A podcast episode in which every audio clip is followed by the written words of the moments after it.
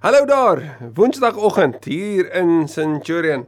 Waar ook al jy mag wees, so baie dankie dat jy KSM gekies het, dat jy hierdie oomblik kies. Ons kry weekliks nuwe mense, nuwe groepe van reg oor die wêreld wil deel word van ons reis met Openbaring.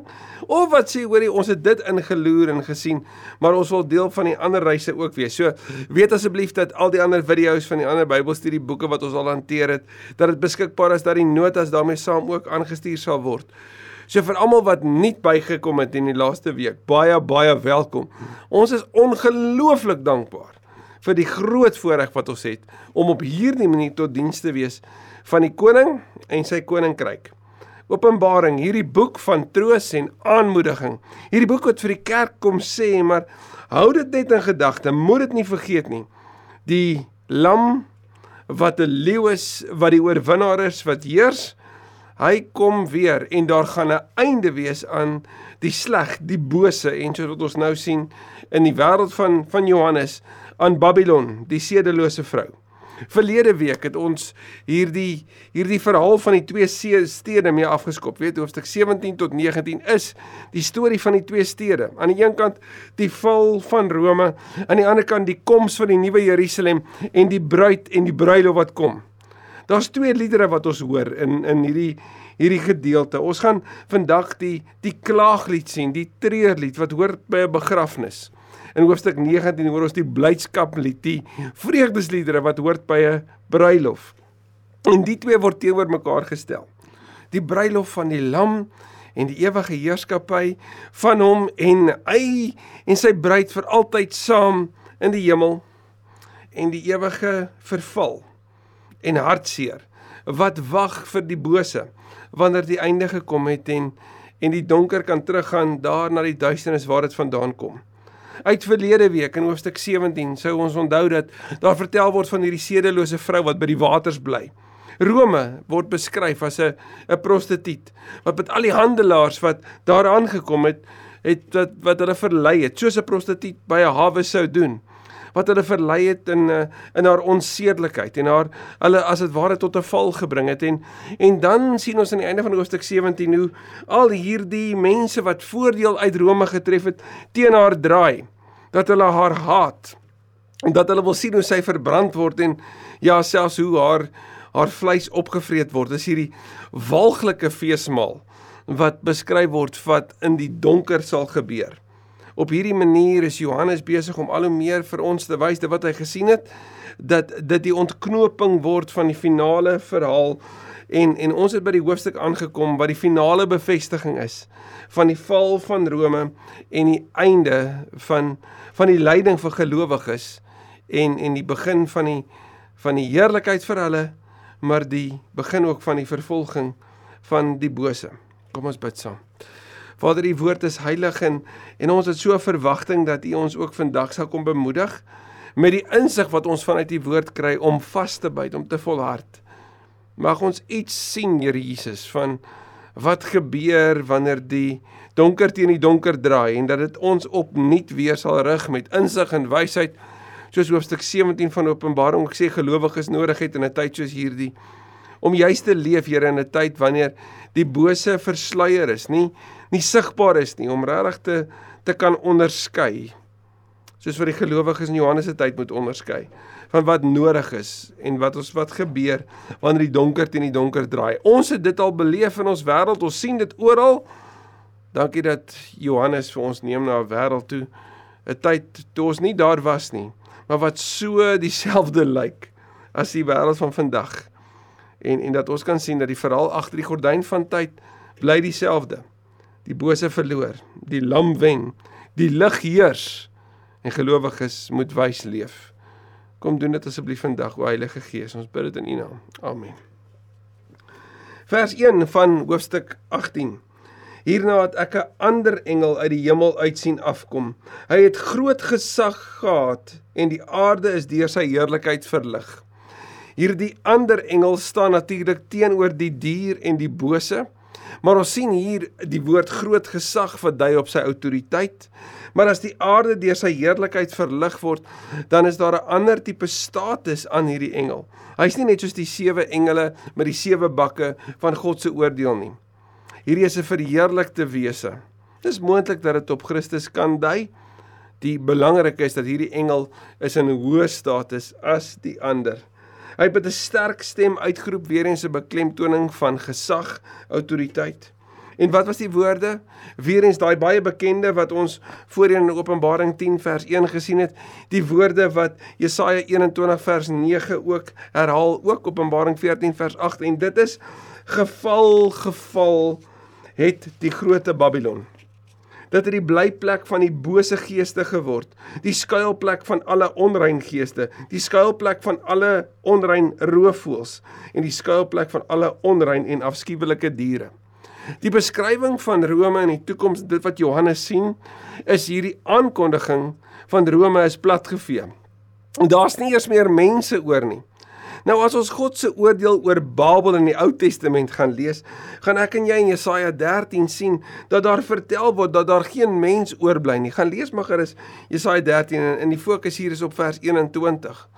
sien wanneer daar onrein geeste, roofvoëls en afskuwelike diere alles wat oorbly, kan jy sien dat dit amper so 'n toneel uit 'n Mad Max film is. Weet, ons het mos al van hierdie films gesien of tonele gesien wat uit die toekoms uit loer en, en daar's niks oor nie. Wel hierdie is iets wat Johannes sien. Daar's nie meer mense oor in Rome nie.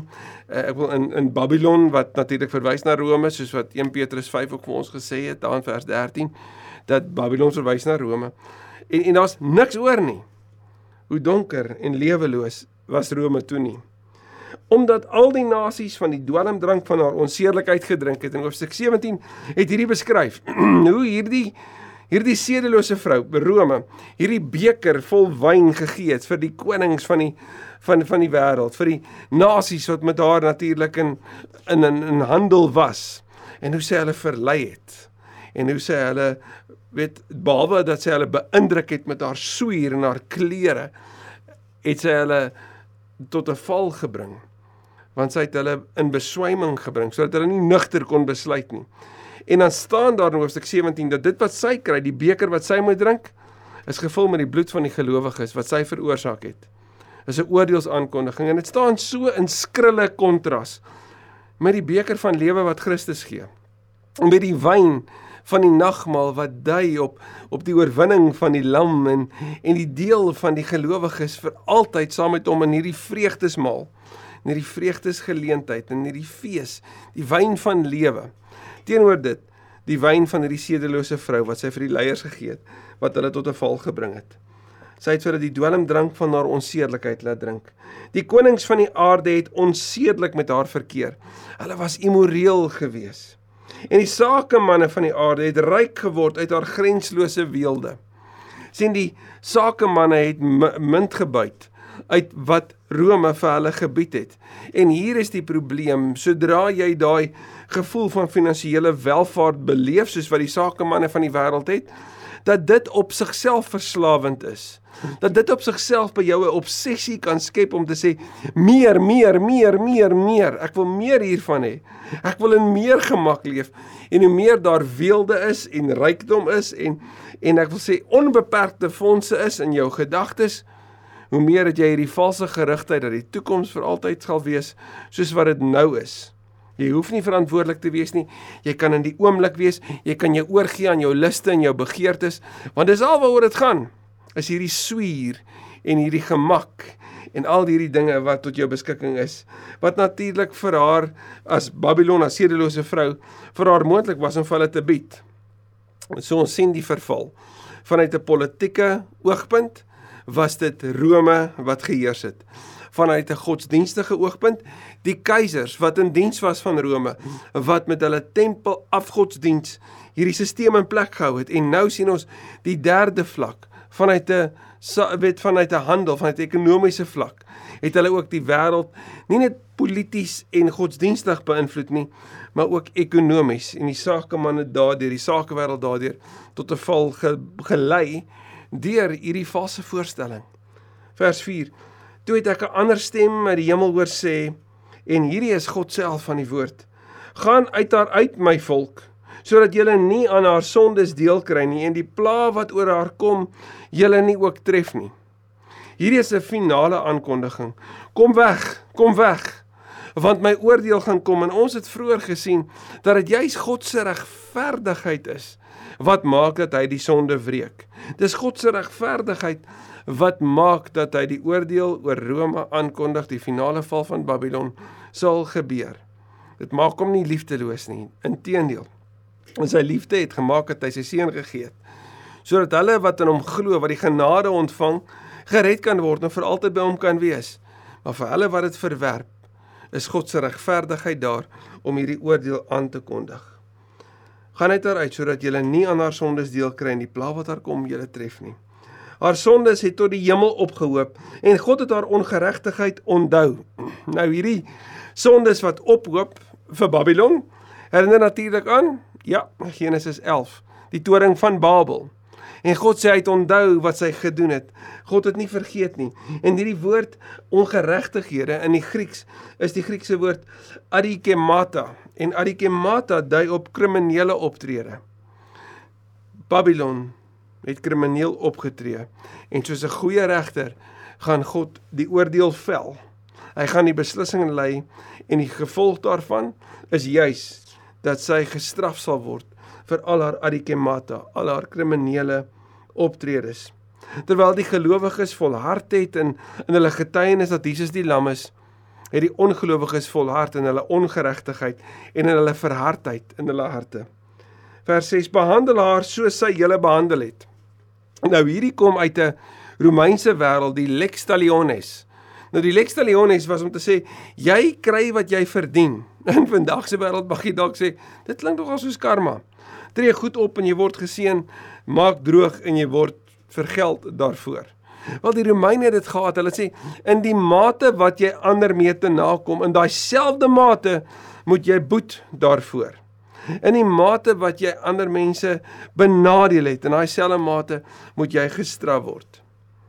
Die volgende kom dan uit 'n Hebreëse wêreld en 'n Joodse agtergrond waarin God kom sê, onthou jy daar in die wêreld van Jesaja en Jeremia, ek gaan hulle dubbel straf. Kyk nou net hier. En vergeld daar dubbel soveel as wat sy julle aangedoen het.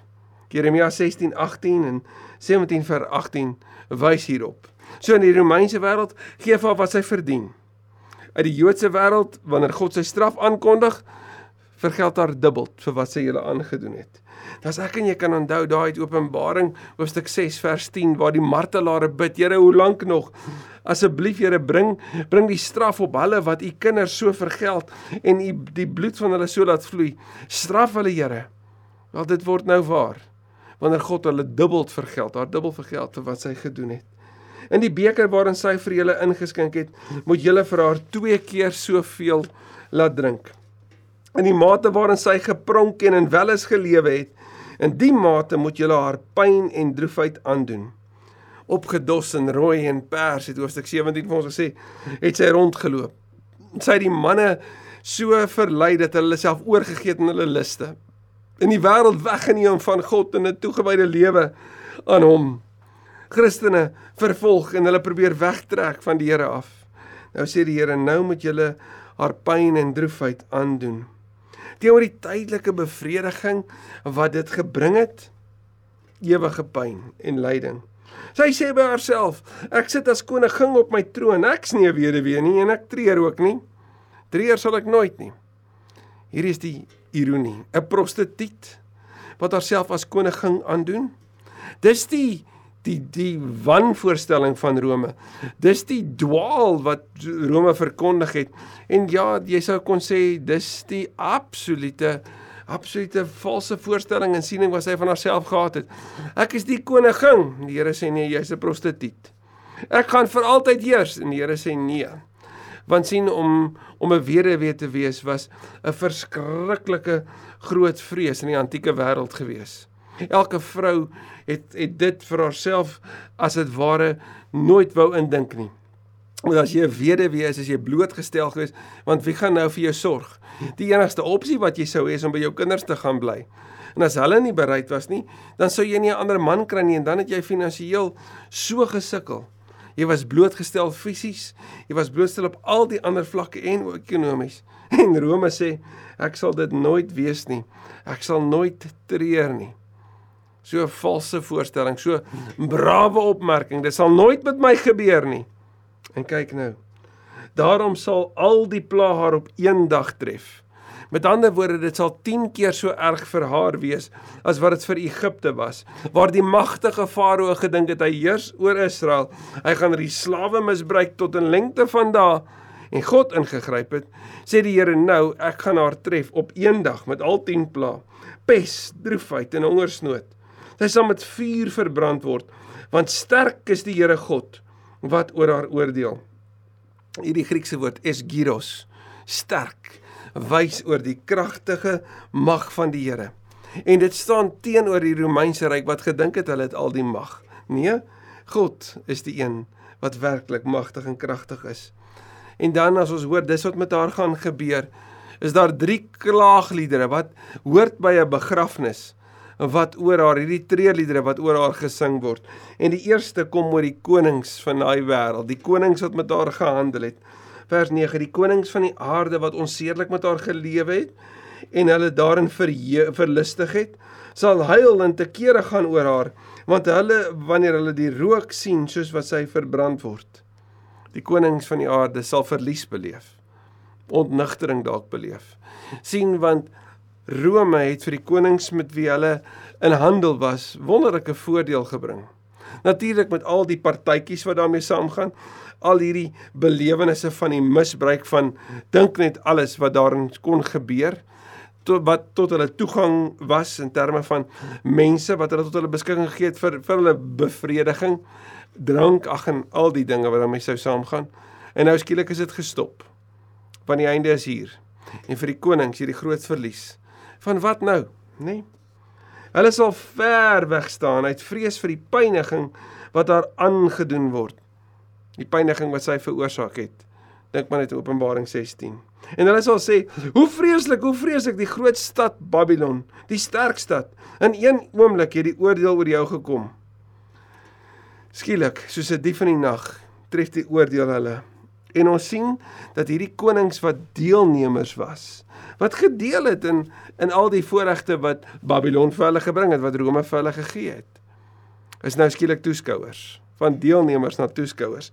Nou kyk hulle op 'n afstand. Hulle is vreeslik hartseer want vir hulle wat selfsugtig is en Rome wat tot voordeel van hulle was, is daar nou nie meer hierdie geleenthede, hierdie vreugdes, hierdie tydelike wellustige partytjies en feeste nie. Nou is dit verby. Maar die oordeel tref hulle nie. Dit tref Babylon. En hulle eerste reaksie was: "Ag, hoe vreeslik." Die tweede klaaglied is die sakemanne wat natuurlik huil oor haar val. Want jy kan jouself indink die sakemanne wat munt gebuit het uit handel wat met Rome gedoen was. Die sakemanne van die aarde huil en kerm oor haar omdat daar niemand meer is om hulle goed te koop nie. Die handel met Rome dus is beëindig. Maar ons hoor die absolute selfsugtigheid Want wat van ons en hoe kan hierdie nou vir ons werk? Want dit is nou klaar.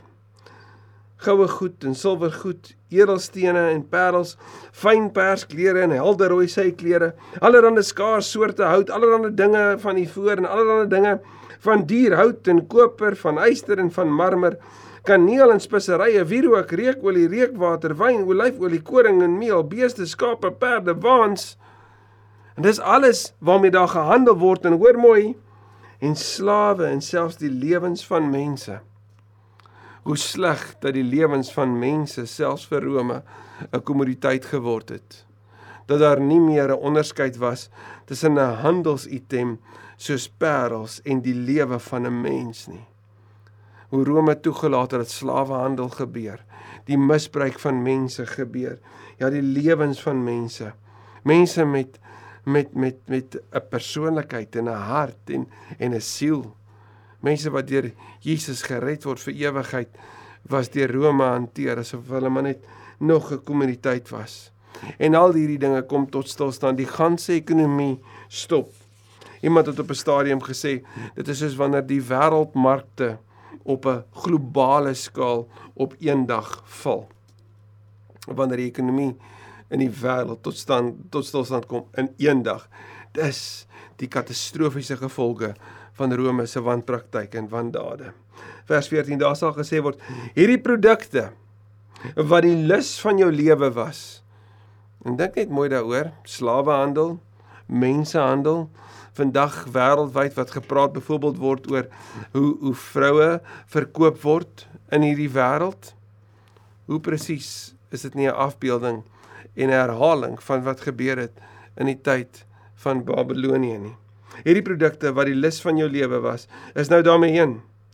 Al die weelde en skittering is nou vir jou verlore en sal nêrens en nooit weer gevind word nie.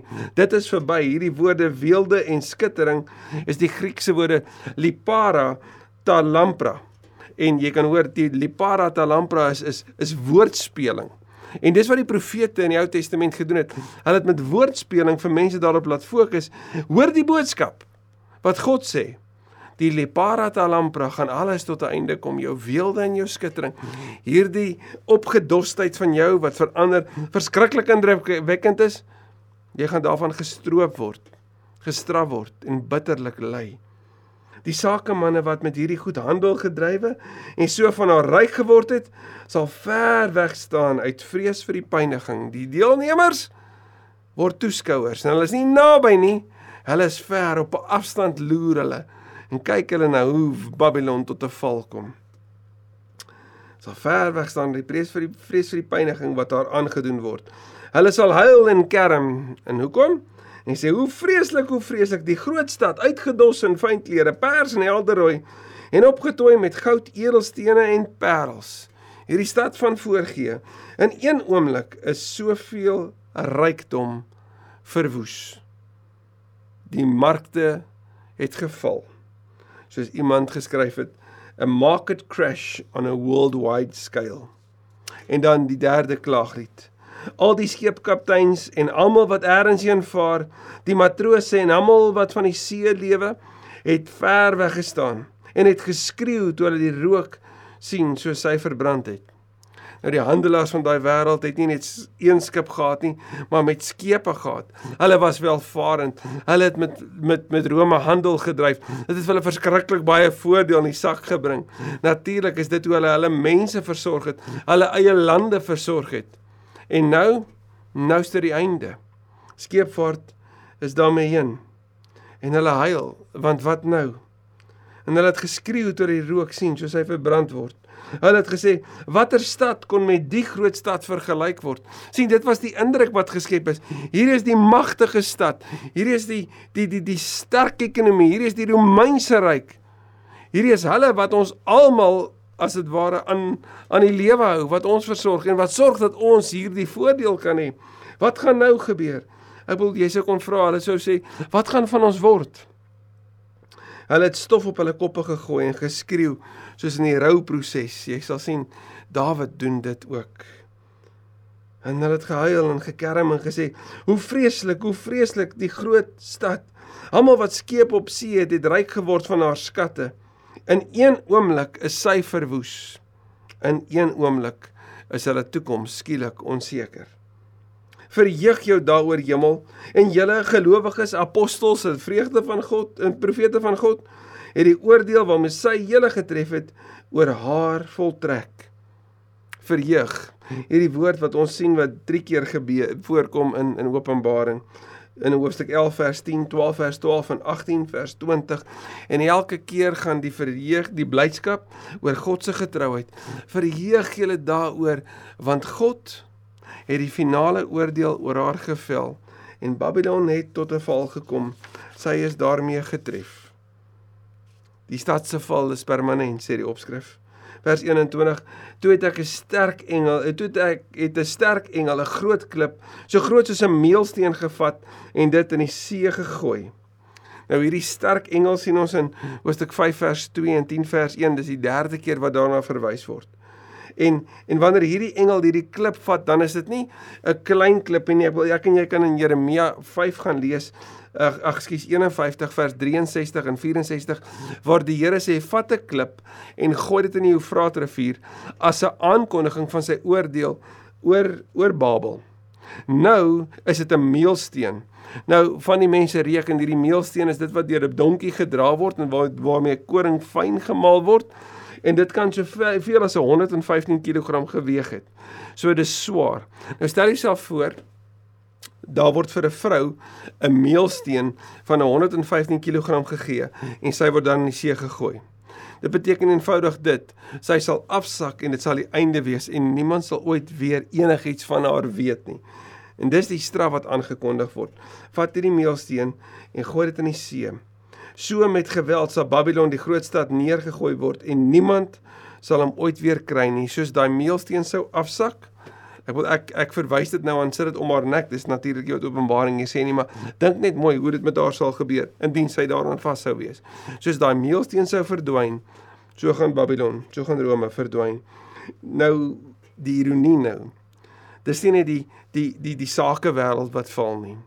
Dis nie net die die wêreld waarin daar handel gedryf was en die konings wat geraak was en die seevaart wat geraak is nie. Dis ook die die wêreld van die kultuur en die mense daarbinne wat direk geraak word wanneer Rome val. Vers 22 sê die musiek van die siterspelers en die sangers van fluitspelers en trompetblasers sal nooit weer in jou gehoor word nie. Geen ambagsman van watter ambag ook al sal ooit weer in jou gekry word nie. Die gedreun van 'n meel sal nooit weer in jou gehoor word nie. Die lig van 'n lamp sal nooit weer in jou skyn nie.